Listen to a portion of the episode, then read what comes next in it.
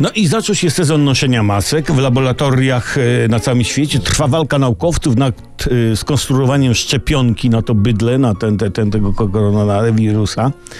I ja, jako szef naszego przyzakładowego kółka pandemonicznego, też nie próżnuję i mam pewną koncepcję, jak skutecznie pozbyć się koronawirusa takiego. Antybiotyk, słuchajcie. Okej, okej, ja wiem, że antybiotyk nie działa na wirusy, tylko na bakterie. Ale, ale gdyby, i to jest właśnie moja koncepcja, ale gdyby tak wmówić wirusowi, że jest bakterią, huh? to można by go potraktować antybiotykiem. Widzicie, nikt jeszcze na to nie wpadł. Jak to zrobić? No nie wiem, no można zahipnotyzować drania ko- koronawirusa.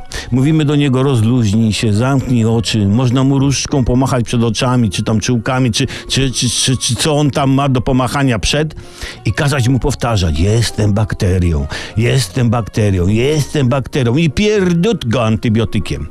Albo nie nazywać koronawirusa w doniesieniach wirusem, tylko kurna bakterią. Może uwierzy, każde kłamstwo powtórzone wiele razy staje się prawdą. Znamy to z polityki. No ale na razie zostają nam maski i ja przyznam się, wczoraj szedłem bez maski ulicą. Dorwał mnie policjant. Dlaczego pan nie założył maski? Założyłem, ale zdjąłem, bo nic nie widziałem. Jakaś wybrakowana, nie ma dziurek na oczy. Żarty żartami, ale cały świat przypomina teraz festiwal w Wenecji. Wszyscy w maskach. Ciężko się rozpoznać. Ktoś ci mówi na ulicy, cześć. Pytasz, Heniek? A on nie, Mariola. No niedogodność, niedogodność, ale trzeba jakoś ograniczać rozprzestrzenianie się tego groźnego koronawirusa, który sieje spustoszenie, a nawet dwa spustoszenia.